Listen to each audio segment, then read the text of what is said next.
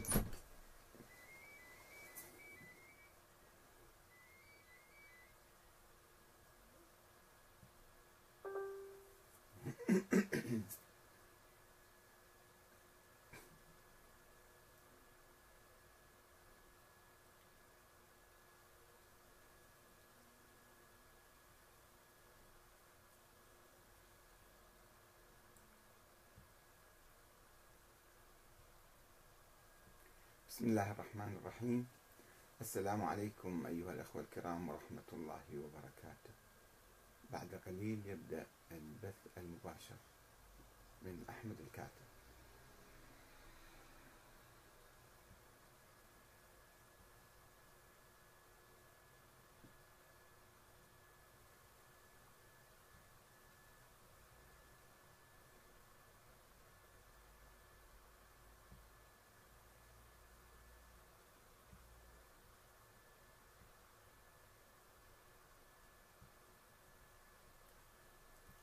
بسم الله الرحمن الرحيم. الحمد لله رب العالمين والصلاة والسلام على محمد وآله الطيبين الطاهرين. السلام عليكم أيها الأخوة الكرام ورحمة الله وبركاته. ما هي الأسطورة التي اختلقها أربعة دجالين وخدعوا بها الشيعة ألف عام؟ أولا ما هو الدجل؟ وكيف نعرف الدجال من الرجل الصادق؟ الدجل في اللغة هو بمعنى التغطية. يقال دجل الشيء غطاه وهو دجال كاذب لأن الكذب تغطية ويأتي بمعنى التمويه والتلبيس والخلط أيضا. عندما يأتي إليك رجل ويقول لك أنا أعلم الغيب أو أعمل المعاجز فاعرف أنه كذاب دجال لأن الله تعالى يقول عالم الغيب فلا يظهر على غيبه أحدا إلا من ارتضى من رسول. يعني بعض الرسل وليس كل الرسول يعطيهم شيء من علم الغيب. الجنس 26 27 ويقول قل لا يعلم من في السماوات والأرض الغيب إلا الله. النمل 65 ويقول ما تدري نفس ماذا تكسب غدا وما تدري نفس بأي أرض تموت. لقمان 43 وهذا الأمر يعني علم الغيب لم يثبت لأحد من الأئمة الأحد عشر السابقين من آل البيت عليهم السلام. ولم يكن رسول الله صلى الله عليه وآله وسلم الذي كانت له قابلية الاطلاع من الله على شيء من علم الغيب. لم يكن ليدعيه أو يمارسه بمثل ما كان يدعيه الدجالون الأربعة. الذين ادعوا الوكالة والسفارة والنيابة الخاصة عن الإمام محمد بن الحسن العسكري. وكانوا يشيعون عن أنفسهم معرفة علم الغيب. وقد اعتمد الرسول الأكرم صلى الله عليه وآله على العقل ومعجزة القرآن الخالدة. وقال للمشركين الذين طالبوه بإتيان المعاجز والآيات الخارقة كتفجير الينابيع من الأرض وإسقاط السماء كسفا عليهم أو الرقي في السماء وإنزال الكتب منها. قال لهم سبحان الله هل كنت إلا بشرا رسولا؟ الإسراء 93 وقال إنما الآيات يعني المعاجز عند الله وإنما أنا نذير مبين. العنكبوت آية 50 وقال الله عز وجل وما منعنا أن نرسل بالآيات إلا أن كذب بها الأولون. الإسراء 59 القرآن ذكر معاجز أنبياء سابقين ولكن لم يذكرها للنبي محمد لأنه جاءت الآيات السابقة وكذب بها الأولون. فما هي الفائدة؟ وسوف ينكرونها ويقولون هذه شعوذة وهذه سحر وهذا بكل سهولة كان إذا النبي كان يجيب معاجز حتى يثبت الرسالة كان يقولون المشركون هؤلاء النبي ساحر وأن يروا كل آية يقولوا سحر مستمر. فإذا النبي صلى الله عليه وسلم لم ينشر الإسلام بالمعجزة إنما نشره بالموضوع بالقرآن بكلامه كلامه المعجز الذي تحدى به العالمين أن يأتوا بمثله أو بعشر سور مثله أو بسورة واحدة من مثله ولم يستطيعوا فهذه هي معجزة الإسلام الخالدة. وبالرغم من ذلك جاء أربعة دجالين في أواخر القرن الثالث الهجري وأوائل القرن الرابع وادعوا أنهم يعلمون الغيب ويأتون بالمعاجز التي لم يكن يفعلها رسول الله من أجل نشر الإسلام. رغم مطالبة المشركين له لماذا؟ وذلك من أجل أن يخترق الدجالون الأربعة أسطورة يخدعون بها الشيعة ألف عام وهي أسطورة وجود ولد للإمام الحسن العسكري وأنه الإمام المهدي المعين من قبل الله والذي لا يجوز القيام بأي ثورة أو تحرك سياسي إلا بعد ظهوره حتى ينوموا الشيعة ويخدعوهم ويدخلوهم في سراديب سراديب الانتظار الطويل ألف عام. رغم اعتراف المؤرخين الشيعة قاطبة بأن الإمام العسكري لم يكن يعترف في الظاهر بوجود ولد له ولم يعرفه أهل البيت ولا عامة الشيعة ولا عامة المسلمين في ذلك الزمان. يعني توفي الإمام وأوصى إلى الإمام العسكري وأوصى إلى أمه بأمواله وجواريه وسجل ذلك عند القاضي ابن أبي الشوارب. ثم تنازع أخوه جعفر مع أمه على الإرث والتركة. ولم يكن أحد يعرف ولم يكن يتحدث الإمام العسكري إلا أن هؤلاء الدجالون الأربعة ادعوا بأنه كان لديه ولد سرا وكانوا يهمسون بذلك سرا حتى لا تنكشف آه، أسطورتهم وكذبتهم ودجلهم. فكانوا يدعون ذلك سرا وينهون الناس عن التحقيق أو السؤال أو التدقيق في في مسألة الخلف. طبعا آه، أصيب الشيعة الذين كانوا يؤمنون باستمرار الإمامة في في الأعقاب وأعقاب الأعقاب بصورة وراثية عمودية. أصيبوا بحيرة وسموا ذلك العصر عصر الحيرة. حتى كتب علي بن بابويه الصدوق كتابا باسم الإمامة والتبصرة من الحيرة. انه شلون نخرج من هاي الحيرة اللي إحنا واقعين بيها. وقد مرر هؤلاء الدجالون الأربعة أسطورتهم وخدعوا بها الشيعة بعد ادعاء كيف الشيعة صدقوا من عندهم؟ لم يكن يوجد أي دليل تاريخي على وجود هذا الولد أو دليل علمي شرعي قاطع ادعوا أن هم عندهم علم غيب وعندهم معاجز فكون لهم هالة كون لهم هالة حتى يخدعوا بها السذج والبسطاء ويخدعون الناس بها ويمررون أكاذيبهم ويستفيدوا منها ماليا وسياسيا لأنهم كانوا عملاء للدولة العباسية. الدولة العباسية كانت تعرفهم جيد وكانت آه، تؤيد هذا الكلام في مقابل الدولة الفاطمية. آه، وخدعوا بها الشيعة بعد بعد ادعائهم علم الغيب واختلاق المعاجز. وجاء من بعدهم شيوخ أو بالحقيقة أسميهم جهلاء. جهلاء الفرقة الاثنى عشرية وليس شيوخ الفرقة الاثنى عشرية كالمفيد والطوسي وغيرهم. هؤلاء كانوا مجمدين عقلهم ما كانوا يميزون بين الصواب والخطأ وكانوا يتناقضون مع أنفسهم. وهم كانوا أيضا في في ظل الدولة العباسية وفي ظل الدولة البويهية كالكليني والمفيد والطوسي نقلوا هذه الأساطير نقلوا هذه الأكاذيب. فصدقوهم وروجوا لدجلهم في كتبهم. فأصبح فأصبحت تلك الأسطورة حقيقة لا يمكن النقاش فيها بعد ذلك. اقرأوا هذه الكتب وانظروا ماذا يوجد فيها. اقرأوا كتاب الإرشاد للشيخ المفيد صفحة 351 و 352 و 355 واقرأوا كتاب الكافي للكليني الجزء الأول صفحة 519 واقرأوا كتاب الطوسي هذا كتاب الغيبة. مليء بهذه القصص والأساطير. من صفحة 179 179 هذه هنا يبدأ بنقل هذه القصص. 179 184 192 193 222 243 وهكذا. مملوء هذا الكتاب بهذه القصص الأسطورية. علم الغيب والمعاجز التي جاء بها هؤلاء الدجالون الأربعة. هذا روج الشيخ الطوسي روج لهؤلاء الدجالين الأربعة في كتابه هذا الغيبة. من هم هؤلاء الدجالون الأربعة؟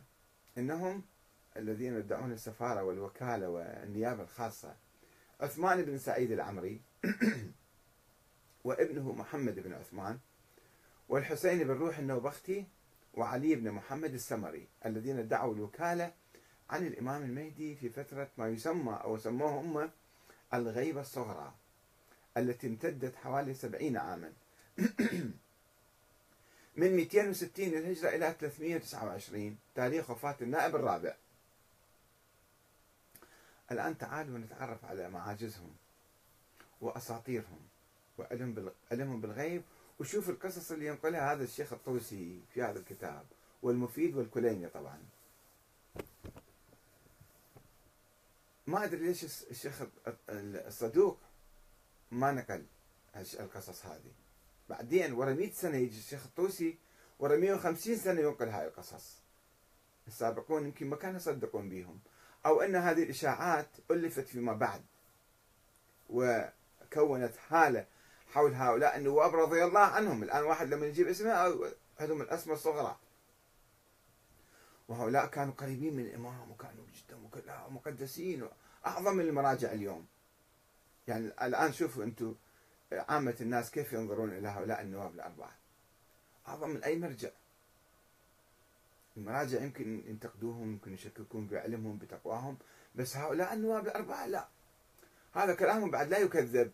حتى الشيخ السيد محمد باقر الصدر رحمة الله عليه في كتابه أو مقدمته لكتاب السيد محمد الصدر بحث حول المهدي عندما يصل إلى كيفية إثبات وجود يعني يتحدث فيه عن آه، عمر الإمام المهدي كيف صار أكثر من ألف سنة؟ فيتفلسف في الموضوع يجيب أدلة وكذا. تبريرات يعني. آه، وعندما يصل إلى موضوع أنه كيف نثبت وجود هذا الولد وولادته يحيلنا إلى هؤلاء النواب الأربعة ويقول لا يعقل أن يكونوا هذول يكذبون علينا. لماذا لا يعقل يا سيد محمد باكر الصدر؟ رحمة الله عليك. هل فكرت فيهم؟ هل درست في درستهم؟ هل بحثت حياتهم؟ هل فكرت فيما يقولون؟ وكيف أصبحوا مقدسين ولا يكذبون؟ وهم دجالون مئة مرة.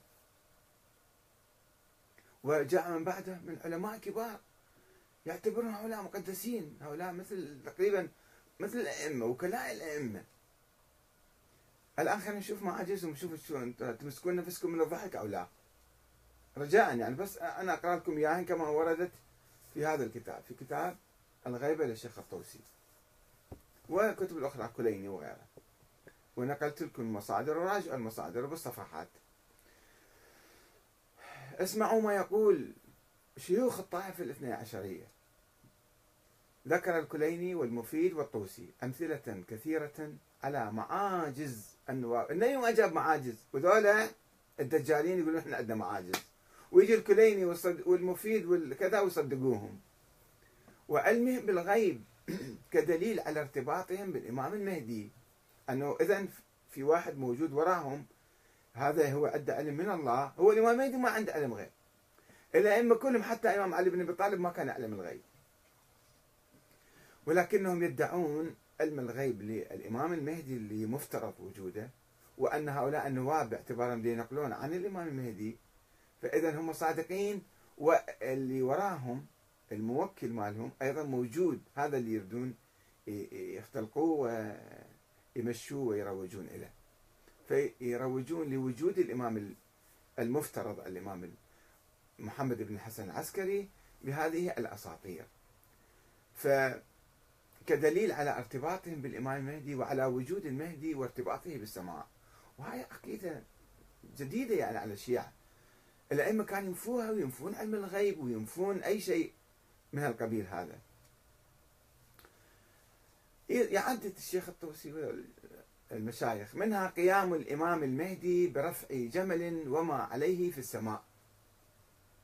وين هالحادثة تمت متى؟ من شاهدها. بس المهم ينقلون أنه ذولا آه، عن الإمام المهدي أنه الإمام شاف الجمل ورفعه ليش؟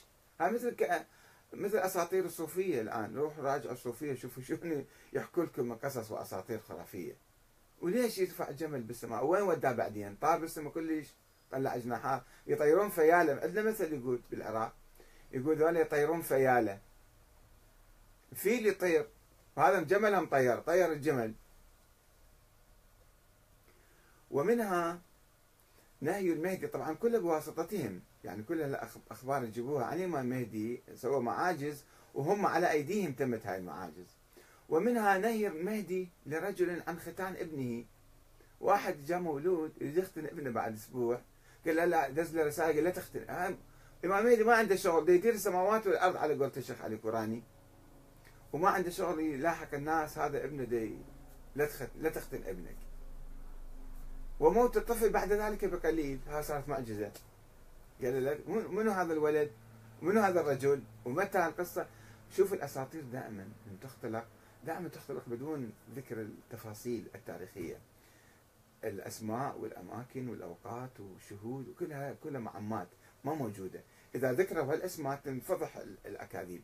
دائما حتى الآن بالإعلام إذا تريد تعرف هاي قصة أسطورية ولا حقيقية شوف يذكرون تفاصيل القصة ولا لا. الزمان والمكان وال الظروف المحيطة بها أو لا. يجيبوا لك قصة فد شيء صار بالتاريخ وأنت لازم تصدق. ومنها نهي رجل عن السفر في البر والبحر. واحد يسافر قال لا لا لا تسافر. لا بالبر ولا بالبحر شنو لازم يطير بعد؟ وأمره بالإقامة بالكوفة. قال له لا تسافر. وبقى وخروج القراصنة وقطاع الطرق على القوافل في ذلك الوقت. القراصنة دائما موجودين. دائما كانوا يسرقون وينهبون القوافل. فقال لنا ها صارت معجزة. شوف طبيعة المعاجز شلون يعني قصص لطيفة جدا حقيقة. تصير أفلام يعني. ومنها قصة قصة معرفة العمري بموضع أمانة نسيها الرسول بين أمتعته. جايبين له فلوس من فد بلد مدري من وين. وهذا مبعوث جاء أعطاه الأمانات. بعدين قال له في أمانة بعد باقية عندك. قال له أنا شفت ما جبت له كل الفلوس. قال لا روح شوف فتش بعد بغراضك. راح وإذا يشوف ها هذا باقي بعد شيء عنده. مع عدم حمل الرسول لأي تذكرة ما جايب يعني ورقة ولا جايب شيء بس جابه قال له أمانات اعطوك إياها. فهو شلون عرف إنه بعد في أمانة أخرى؟ اذا هذا عنده علم غيب. هذا محمد بن عثمان العمري. آه، مع عدم حمل الرسول لأي تذكرة أو كتاب حول الموضوع. وهذا افتهم. عرف أدى علم غير منو هذا الرسول؟ متى قصة صارت؟ إشاعات. كلها إشاعات لترويج وبناء هالة حول هؤلاء الدجالين الأربعة وتحويلهم إلى مقدسين ومنها أخبار العمري بتاريخ وفاته في اليوم والشهر والسنة. قال له إجت رسالة قال أنت راح تموت بفلان يوم فلان شهر فلان سنة. طيب من يقول هاي الرسالة صدق من أول موجودة؟ اختلقوها بعدين. بعد ما مات قالوا والله لقينا ورقة في اوراقه تقول له أنت راح تموت فلان يوم. ينقلون عنه. أنا أقدر أجيب لك الآن عن أي واحد ميت أنه مرجع أو كذا أنه الامام ميت دز له رسالة قال له أنت راح تموت بفلان يوم. بعدين يعني بعدين أختلق القصة هذه. ويجي واحد بعد 150 سنة 100 سنة يصدقها. يعني هذا أنا أفكر هذا العقل العظيم الشيخ الطائف الطوسي والمفيد العقول العظيمة. شلون كانوا يصدقون هالقصص والأساطير؟ عقلهم إيش قد إيش كبراته كان؟ كان فعلا يعني علماء عظام وشيوخ طائفة أو شيوخ يعني مال جهل وتدجيل. ومنها أخباره آه ومنها قدرة ومنها أخبار العمري الناس بالأجوبة العجيبة. دائما كان يطلع أجوبة عجيبة. شنو هي هسه ما ندري. وإخباره لرجل بتفاصيل خلاف سري بينه وبين زوجته. اجى واحد متعارك ويا مرته بالليل قال له أنت البارحة تعاركت ويا مرتك.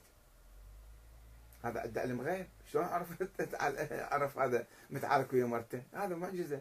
وهذا دليل على أنه مرتبط بالامام المهدي والإمام المهدي موجود. شوف شلون شلون قصص عجيبة غريبة مضحكة فعلا. ومنها قدرة النائب الثالث الحسين بن روح النوبختي. على قراءة رسالة بيضاء جابوا له رسالة كل شيء ما مكتوب بها صفحة بيضاء.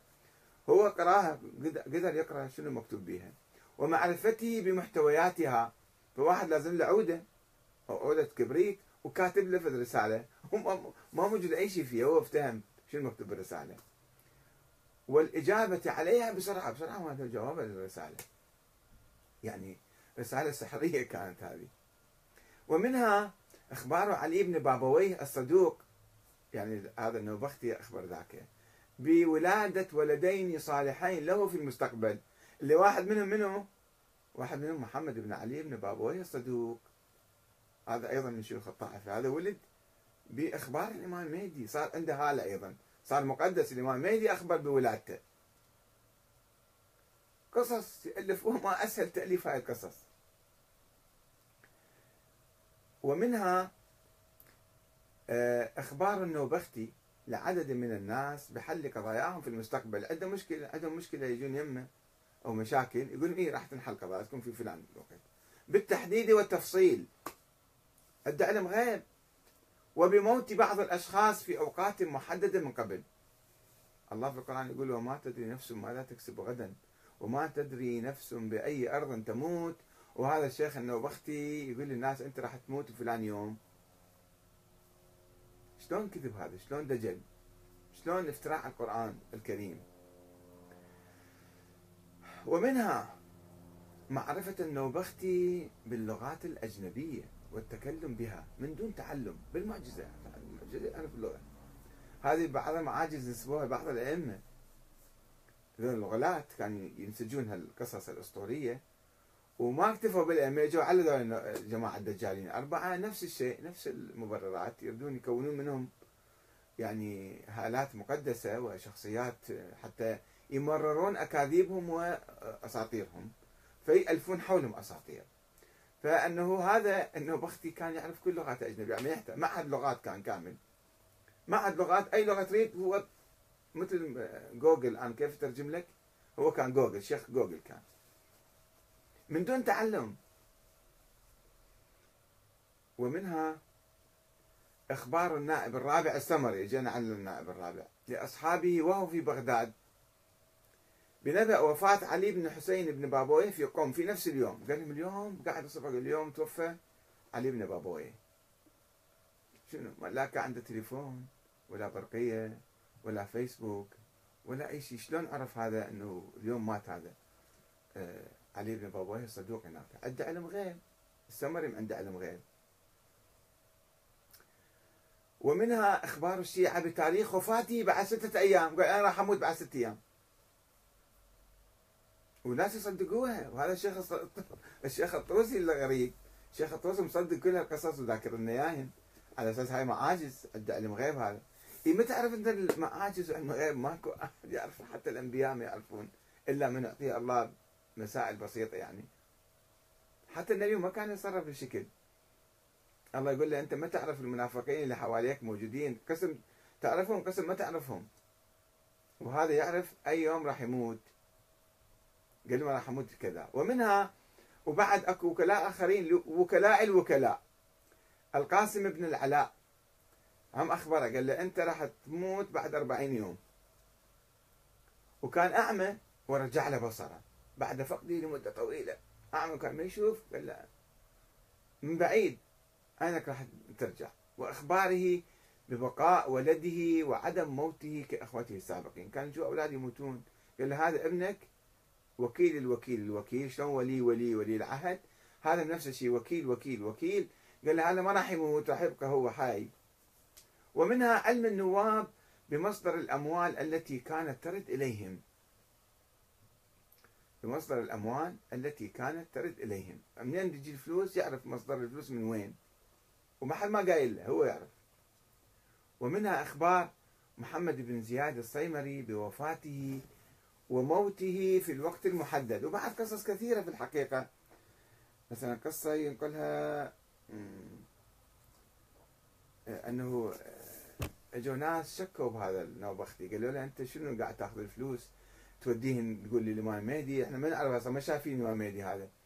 وأنت من يقول وتنزلهم جيبك وتوزعنا على أقاربك والله أعلم وين توديهن قال لهم زين جيبوا لي فلوس حطوني فرد طاسة وفرد حق فشي يعني لفوه وراح ذبوه بدجله راحوا ذبوه بدجله اجوا ايمه شافوا الفلوس مالتهم قدامهم موجودة. وقدامهم معجزة. طلع الفلوس من الماء من النهر. يعني إيه هكذا. يجيب لنا القصص وقصص كثيرة أخرى أنا ما ذكرتها الآن. بس كلها من القبيل هاي. أن يعرف فلوس من وين جاية ومن الطاهم وكذا ورسالة بيضة يقراها وهاي القصص هذه الواحد من يقراها ويصدق بيهن. علمائنا اليوم مراجعنا العظام يقول لك لا هذول مقدسين لا تنتقدهم لا تحكي عليهم. وذول يعني شيوخ الطائفة شلون؟ أنت أفهم من عندهم يعني؟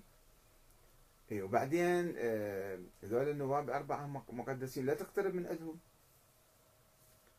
طيب وبعدين شو نسوي؟ إيش ما قالوا لازم تؤمن به. كله صحيح.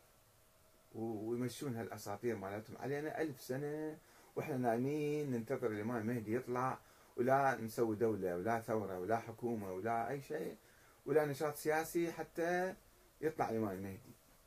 وهذه قتلونا بهالقصص مالتهم هذه. ويشير الطوسي يجي يعلق على القصص اللي يذكرها إلى دليل المعاجز يقول هذا من أدلة إثبات وجود الإمام الثاني عشر.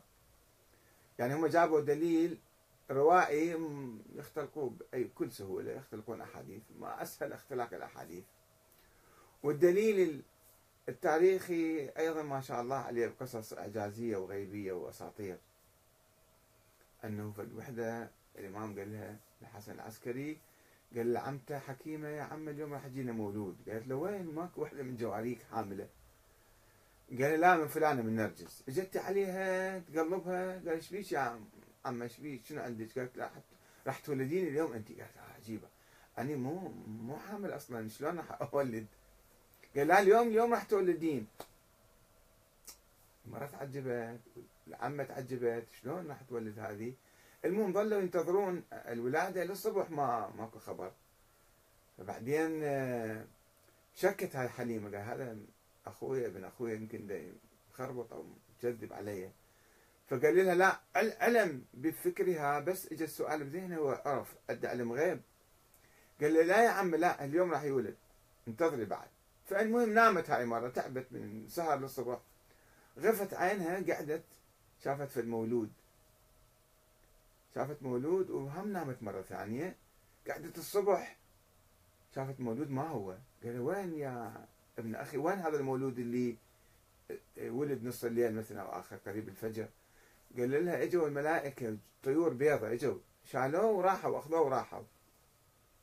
شوفوا هذه قصة هم أسطورية. هاي يسمون الدليل التاريخي على ولادة ابن الحسن العسكري. هذا الدليل التاريخي مالهم.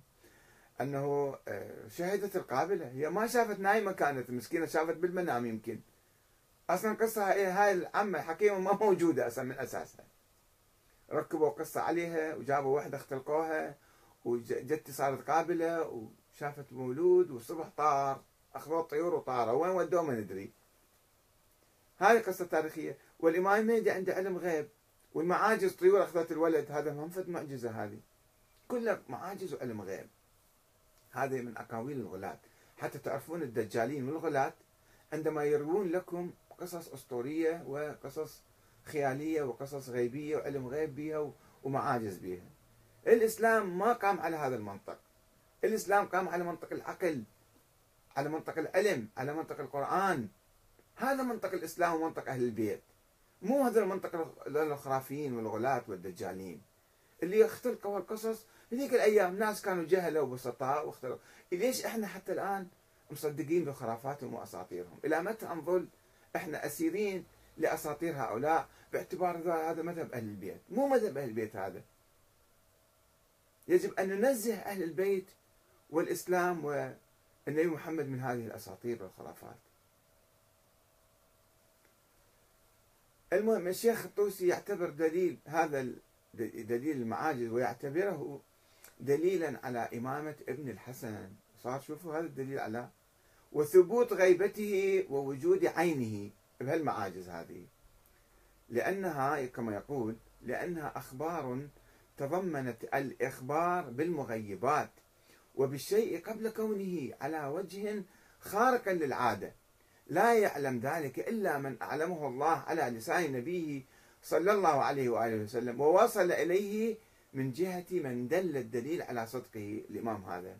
لأن المعجزات لا تظهر على يد الكذابين. وذولا مو كذاب وذولا ظهرت على يد المعجزات فذولا مو كذابين. ذولا صادقين صاروا.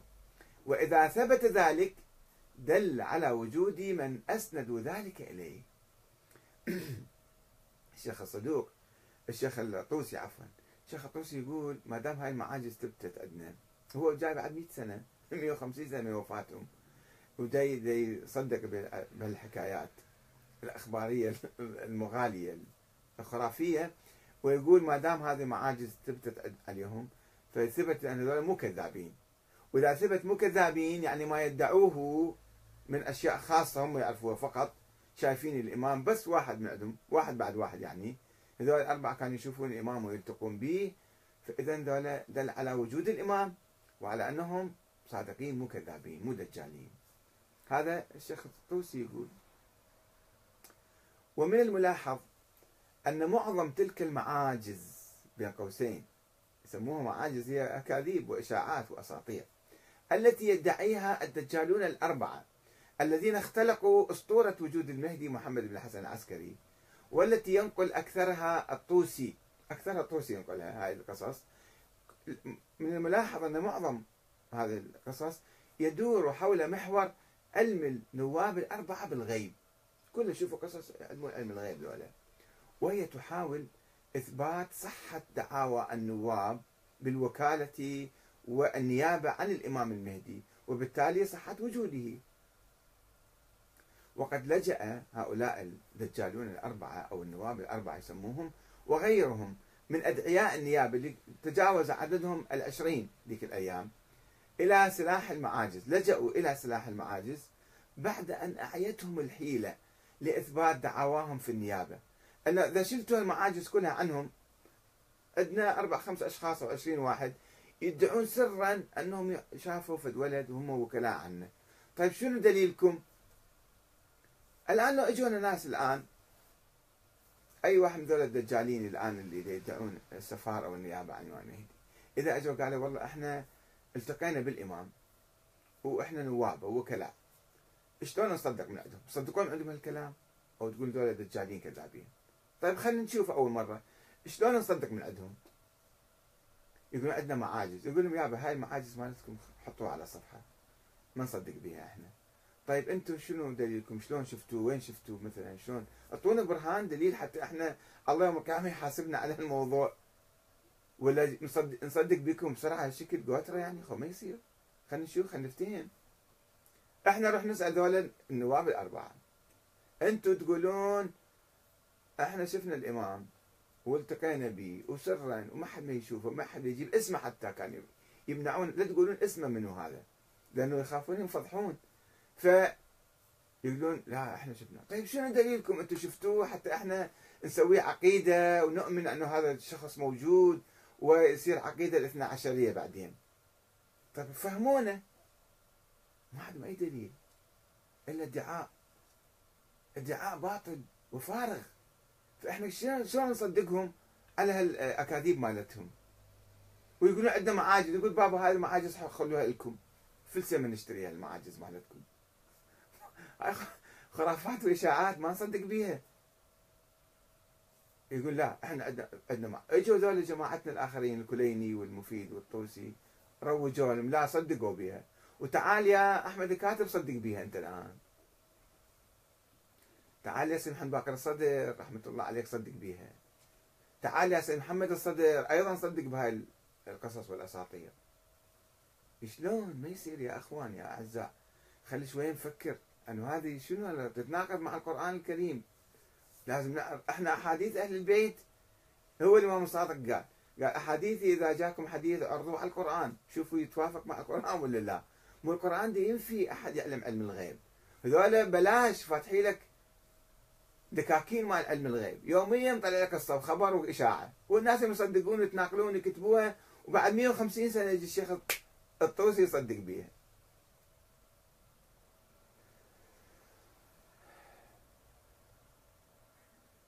وقد لجأ النواب الأربعة وغيرهم من أدعياء النيابة الذين تجاوز عددهم العشرين إلى سلاح المعاجز بعد أن أعيتهم الحيلة لإثبات دعواهم في النيابة. ما عندهم أي دليل. في غياب النصوص والأدلة العلمية التاريخية على ولادة الإمام أو صحة نيابتهم عنه كما لجأ إلى ذلك من قبل محمد بن بشير حكينا لكم قصته قبل أيام.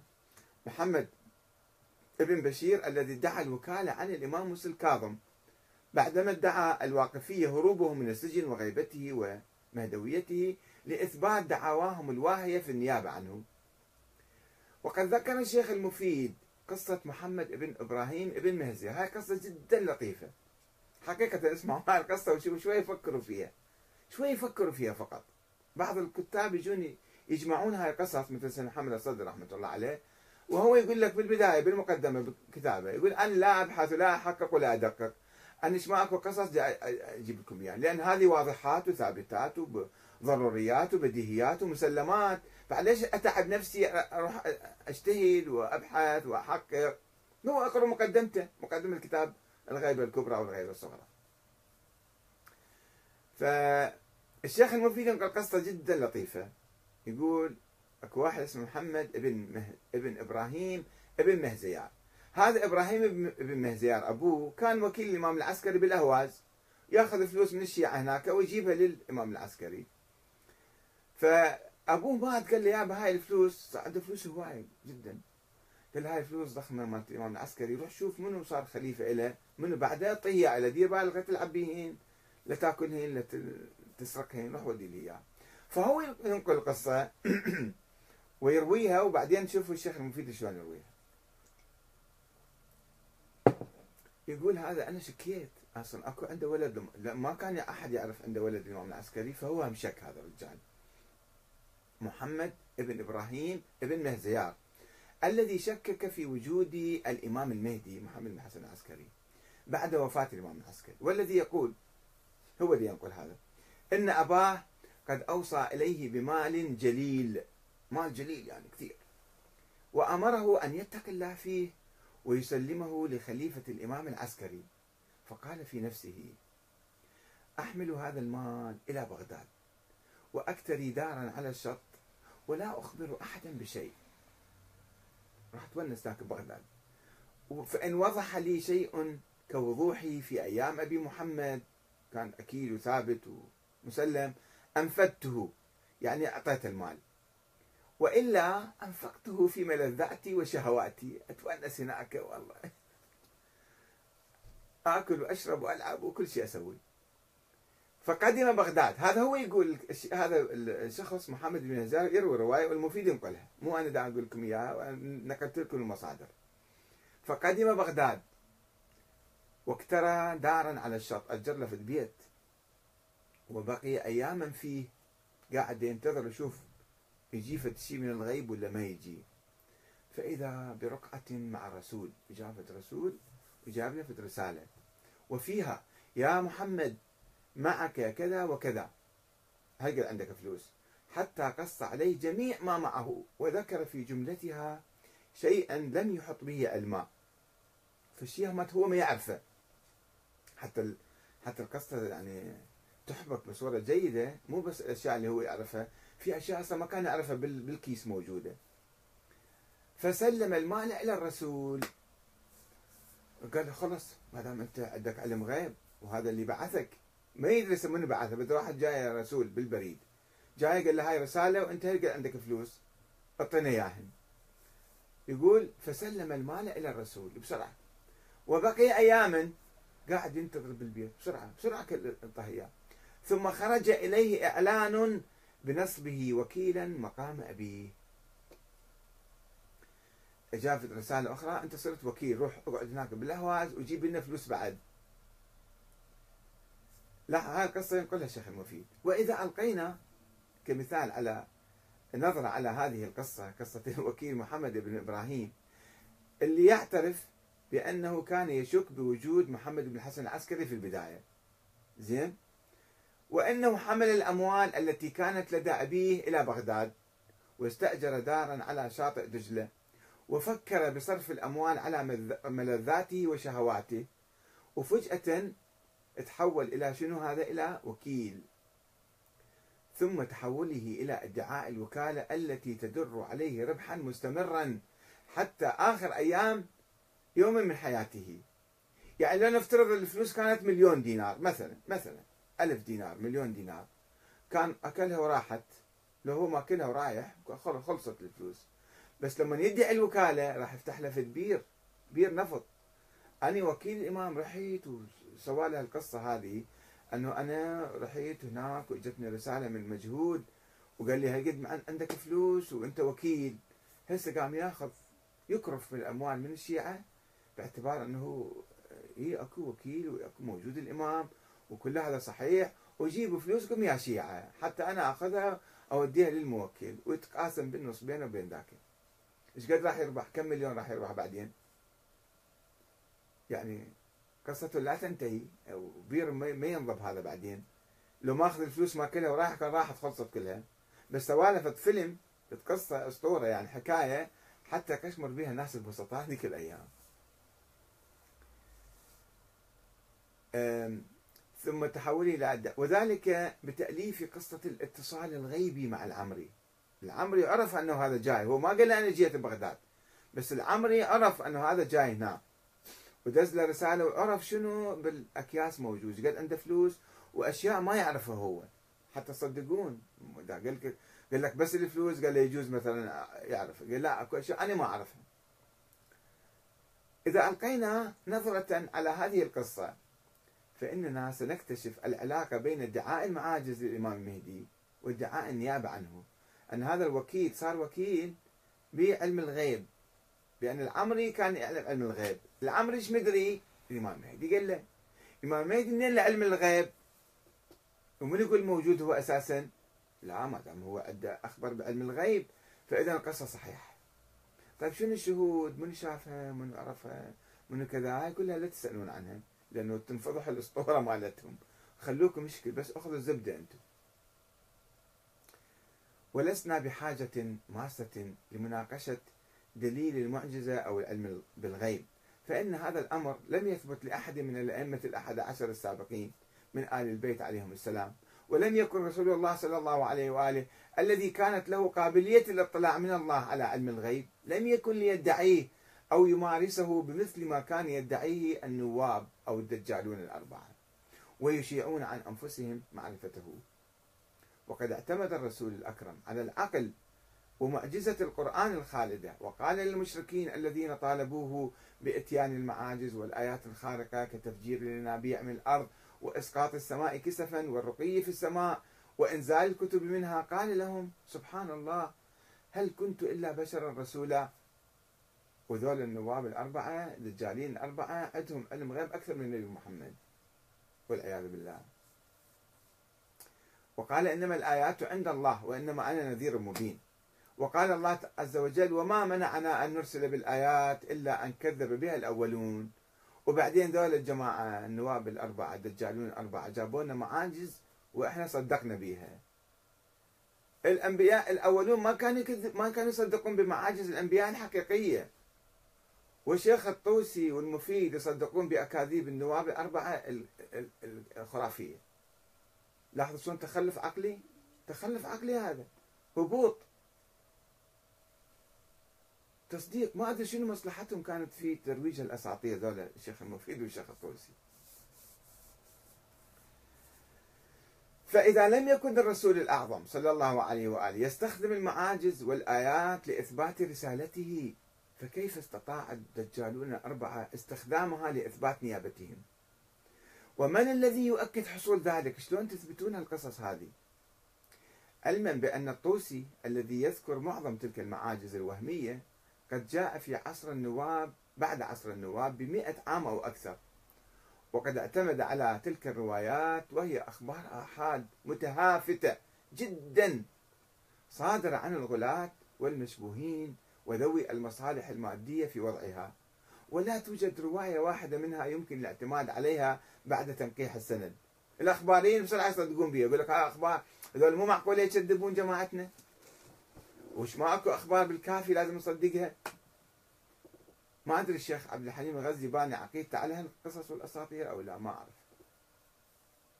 أرجو أن يعيد النظر يعني هو رجل الشيخ عبد الحليم الغزي رجل شوية عنده عقل ومؤمن يبدو عليه مؤمن الظاهر ماله من كلامه يعني مبين. ورجل عالم وباحث بس شوي خليه يفكر ما أدري ليش موقف التفكير ماله ما يفكر. فكر بهاي القصص عم منين شلون نصدقها؟ لا تقول لي لا تقلد ال... يقول لا, ناخذ علم الرجال إحنا. طيب ما انت قاعد تصدق بذولا؟ بعلم الرجال.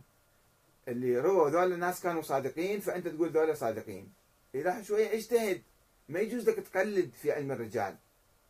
إذا قالوا لك واحد زين تصدق به واحد مو زين هم تصدق به ما يصير. الآن يشيعون إشاعات عني. ما شاء الله. حتى يحطموني أو حتى يشوفون سمعتي وكذا.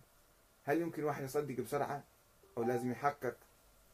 أو يشيعون فلان عالم؟ ما شاء الله هذا عمره 10 سنين صار مجتهد. هذا عمره 12 سنة صار مجتهد. شلون خلينا شوي نفكر. صدق هالاشياء ولا لا؟ هذول عندهم معاجز الآن نفس الشيء إشاعات. أكو ناس عقليتهم مهيئة لتقبل الخرافات والأساطير. بسرعة يصدقون. وبسرعة يسوي لك صلوات أيضا الخطيب له على المنبر حكاها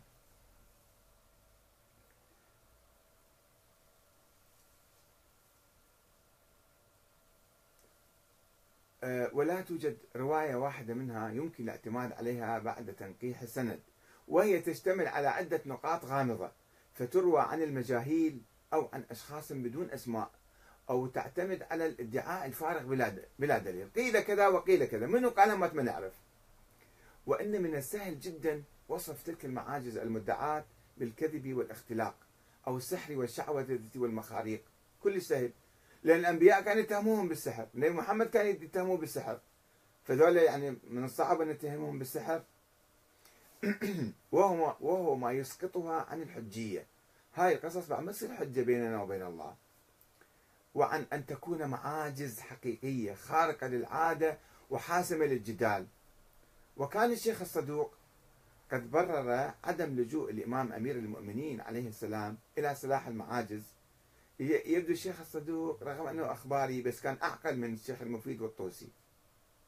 ما مصدق بهالاشياء وما نقلهن. وهو يقول الإمام علي ما كان يسوي معاجز. يقول يقول ليش الإمام علي ما لجأ إلى سلاح المعاجز حتى يثبت امامته لإثبات حقه بالخلافة. بسبب احتمال تفسير الآخرين لها بالسحر والشعوذة والمخاريق. هو يقول الشيخ الصدوق يقول له الإمام علي مسوي معاجز؟ حتى يقول أنا إمام من الله. كان بسهولة يتهموه أنه هذا ساحر أو بده يسوي شعوذة ومخاريق وكذا. فإذا تسقط الحجية وهاي المعجزة مالته بعد ما تمشي.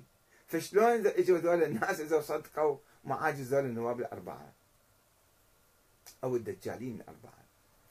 كما رفض والده علي بن بابويه صدق شوفوا شلون الوعي والاستخدام العقلي كان ينزل شيئا فشيئا. بدل ما يرتفع عند الناس علي بن بابويه هذا كان معاصر للسفراء الأربعة. وإجا يوم الحلاج كما يذكر الشيخ الطوسي الشيخ الصدوق أو الطوسي. يقول إجا يوم آه آه هذا الحلاج. آه الحلاج اجى قاعد بدكانه فاجى كان عنده دكان بكم. هو عالم بس عنده دكان يشتغل مو معتمد على خمس وزكاة. وكان يدعي أنه عنده معاجز ومعرفته للغيب. فالشيخ الصدوق الوالد علي بن بابوه الصدوق قال للعمال ملات الموظفين يوم طلعوا برا وبسطوه شلاليق وطلعوا برا. وأمر بإخراجه من دكانه ركلا بالأرجل. شنو قاعد تضحك علينا؟ تدعي عندك علم غيب وعندك معاجز ومدري شنو. اطلع برا يلا بسرعة. فعلي بن بابويه ما كان يقبل أن واحد يدعي علم غيب حتى يقول أنا وكيل الإمام المهدي وهذا هم هم أكو كلام عنه. أنه كان يدعي أنه هو نائب عن الامام المهدي وعنده معاجز. قال له قوم اطلع برا. ما يصدق الكلام هذا. وش قاعد تحكي؟ تضحك علي؟ هذا آه، علي بن بابوي وابنه محمد بن علي بن بابوي الصدوق يقول الإمام علي لو كان جاي معاجز ما كان صدقوا من عنده. وبقية الأئمة نفس الشيء. فإذا منطق المعاجز ما كان موجود أساسا في الإسلام. مرفوض. نبي محمد ما جاب معاجز ولا أحد من الأئمة. وذولا بنوا كل أساطيرهم وكل خرافاتهم على قصة أنهم عندهم معاجز وهاي تثبت أنهم عندهم اتصال بالإمام المهدي. أن المعاجز الغيبية هاي يدعوها متعارضة مع القرآن الكريم الذي ينفي علم الغيب عن أي بشر ويقول عالم الغيب فلا يظهر على غيبه أحدا إلا من ارتضى من الرسول. يخبر بعض الأشياء. ويقول قل لا يعلم من في السماوات والأرض الغيب إلا الله. ويقول وما تدري نفس ماذا تكسب غدا وما تدري نفس بأي أرض تموت. السيد محمد باقر الصدر لما يجي يبحث النواب الأربعة وأدلة وجود الإمام المهدي ما يشير إلى مسألة المعاجز هاي كلها. يبدو رافضها يعني. في بحثه حول المهدي صفحة 36 آه، آه، لم يشر إلى مسألة معاجز النواب الأربعة كدليل على صحة نيابتهم وادعائهم في وجود الإمام محمد بن حسن العسكري. طيب شلون صدقت بهم يا سيد محمد باقر الصدر؟ شلون تقول ذولا مو معقول يكذبون شلون؟ أنا بس أدفت من النقطة هذه. شلون مرت على سيد محمد باقر الصدر رحمة الله عليه؟ وهذا الرجل العبقري فيلسوف مفكر كاتب مجتهد أستاذ المجتهدين شلون مرت عليه هاي القصة؟ وصدق بيهم. لأنه يبدو ما باحث بدقة ما مجتهد فيها يعني. ومجتهد في قضايا كثيرة. هذا الموضوع ما مجتهد مو مجتهد. علم الأولين والآخرين. وإجوا ناس آخرين أيضا مش مشوا بدون قال أصلا يمنعون الاجتهاد الآن. الآن في علماء في النجف. إذا تقول له تجتهد في الموضوع يقول لك لا لا لا. في حدود حمراء. خطوط حمراء لا تقترب من عدم ما يجوز الاجتهاد في هذه الأمور. ليش يابا لماذا لا يجوز أن نجتهد في هذا الأمر؟ نجتهد في صدق هؤلاء النواب أو كذبهم أو دجلهم. نعرف حقيقتهم. يعطونا عقيدة مخدرة. ألف سنة مخدرتنا ونحن نايمين. نريد نعرف هاي العقيدة اللي مسميها وهي أسطورة. أنه هذه العقيدة حقيقية ولا لها وجود لها صحة؟ ولا هم مختلقيها سرا أربعة خمسة متآمرين تآمروا على الشيعة والتشيع عبر التاريخ إلى اليوم ومررين هاي الأسطورة. نعرف ذولا هم ذولا اللي باب هاي الأسطورة مو باب المهدي ذولا أبواب الأساطير. نريد نعرف ذولا كلامهم صحيح ولا لا؟ يجوز لنا نجتهد أو لا يجوز الاجتهاد؟ أنتم الآن قاعد تسمعوني. روحوا ابحثوا حقكم لا تأخذون كلامي. ابحثوا قولوا إحنا من حقنا أن نفكر من حقنا أن نبحث أن نجتهد ان والعقائد لا يجوز فيها التقليد إنما يجب على كل إنسان أن يجتهد فيها. فخلينا نجتهد ونشوف هذا صحيح ولا مو صحيح. اسألوا العلماء الخطباء اللي يروون القصص هذا الكلام صحيح ولا مو صحيح؟ وشنو الدليل على ذلك؟ وذولا ما يحتمل يكونوا كذابين دجالين ياخذون فلوس مستفيدين ويكونون عملاء للدولة العباسية حتى تخلق منهم في الأسطورة وتخدر الشيعة وتنيمهم بالسرداب وفي آه، مقابل الدولة الفاطمية. من حقكم لا مو من حقكم. شوي فكروا اسألوا ناقشوا أخذوا حريتكم. الله يأمركم بذلك. يأمركم بالتفكير أفلا يتفكرون أفلا يتدبرون أفلا يعقلون. علينا أن نعيد قراءة تراثنا وتاريخنا ونقوم بثورة فكرية. وهذا منتظر من الحوزة العلمية إن شاء الله. الحوزة العلمية الحقيقية اللي هي موجودة في بعض الشباب الآن. موجودة هناك شيوخ وعلماء بدأوا التفكير وبدأوا التفكير بجرأة أيضا. لكي يطرحوا ويعيدوا قراءة هذا التراث اللي نايم علينا صار له ألف سنة. وخالق لنا مشاكل طائفية وخالق لنا عنف وخالق لنا استبداد استبداد من هالتراث هذا. يجيك واحد يقول لك أنا نائب الإمام المهدي أنا وكيل الإمام المهدي أنا أشوف الإمام المهدي دائما التقي به بالمسجد مسجد السهلة ولا مسجد جمكران ولا مسجد ما أدري منه. فاذا أنا يسوون الآن الآن الآن الآن في ناس يسوون قصص وإشاعات وأساطير حول بعض العلماء والزعماء أنه هذا يلتقي بفلان هذا يلتقي بفلان. طيب وبعدين صار عنده حالة مقدسة وبالتالي لازم نخضع له ولازم نطيعه. فيصير استبداد باسم الدين باسم الإمام المهدي. ديكتاتورية باسم الإمام المهدي. وطائفية وعنف وربما حتى اقتتال داخلي. لكي نوحد مجتمعنا ونتحرر من الخرافات والأساطير ونتحد علينا أن نعيد قراءة هذا التراث. والسلام عليكم ورحمة الله وبركاته.